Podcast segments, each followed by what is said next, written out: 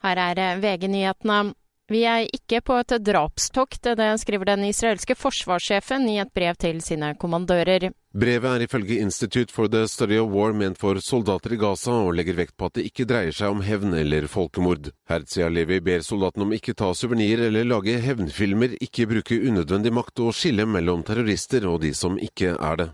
Reporter Frode Sti. Det ble i fjor født 52 551 personer i Norge. Det er 500 flere enn året før, og en økning på 1% opplyser Folkehelseinstituttet. Økningen var størst i nord. En kvinne er arrestert etter å ha utøvd vold mot to ansatte på et utested i Midtbyen i Trondheim i natt. Kvinnen er godt kjent av politiet og blir anmeldt for vold og ordensforstyrrelse.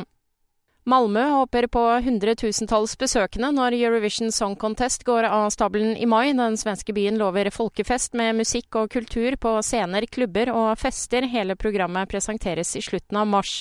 TV-sendingene forventes å få mer enn 180 millioner seere fra hele verden. I studio Kristin Strand, nyhetene får du alltid på VG.